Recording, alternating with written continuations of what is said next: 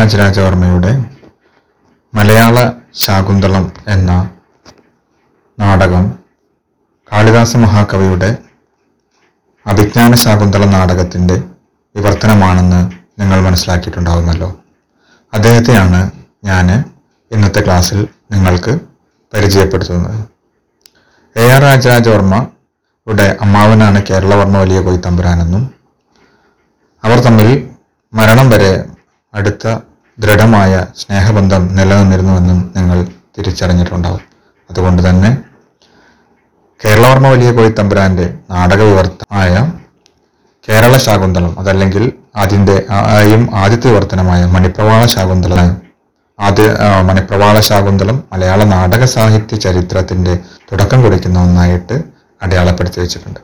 അതിന്റെ ശരിതെറ്റുകളെ നമുക്ക് വിശകലനം ചെയ്യുന്നതിന് മുമ്പ് വീണ്ടും നമുക്ക് എ ആറിലേക്ക് തന്നെ അടങ്ങിയെത്താം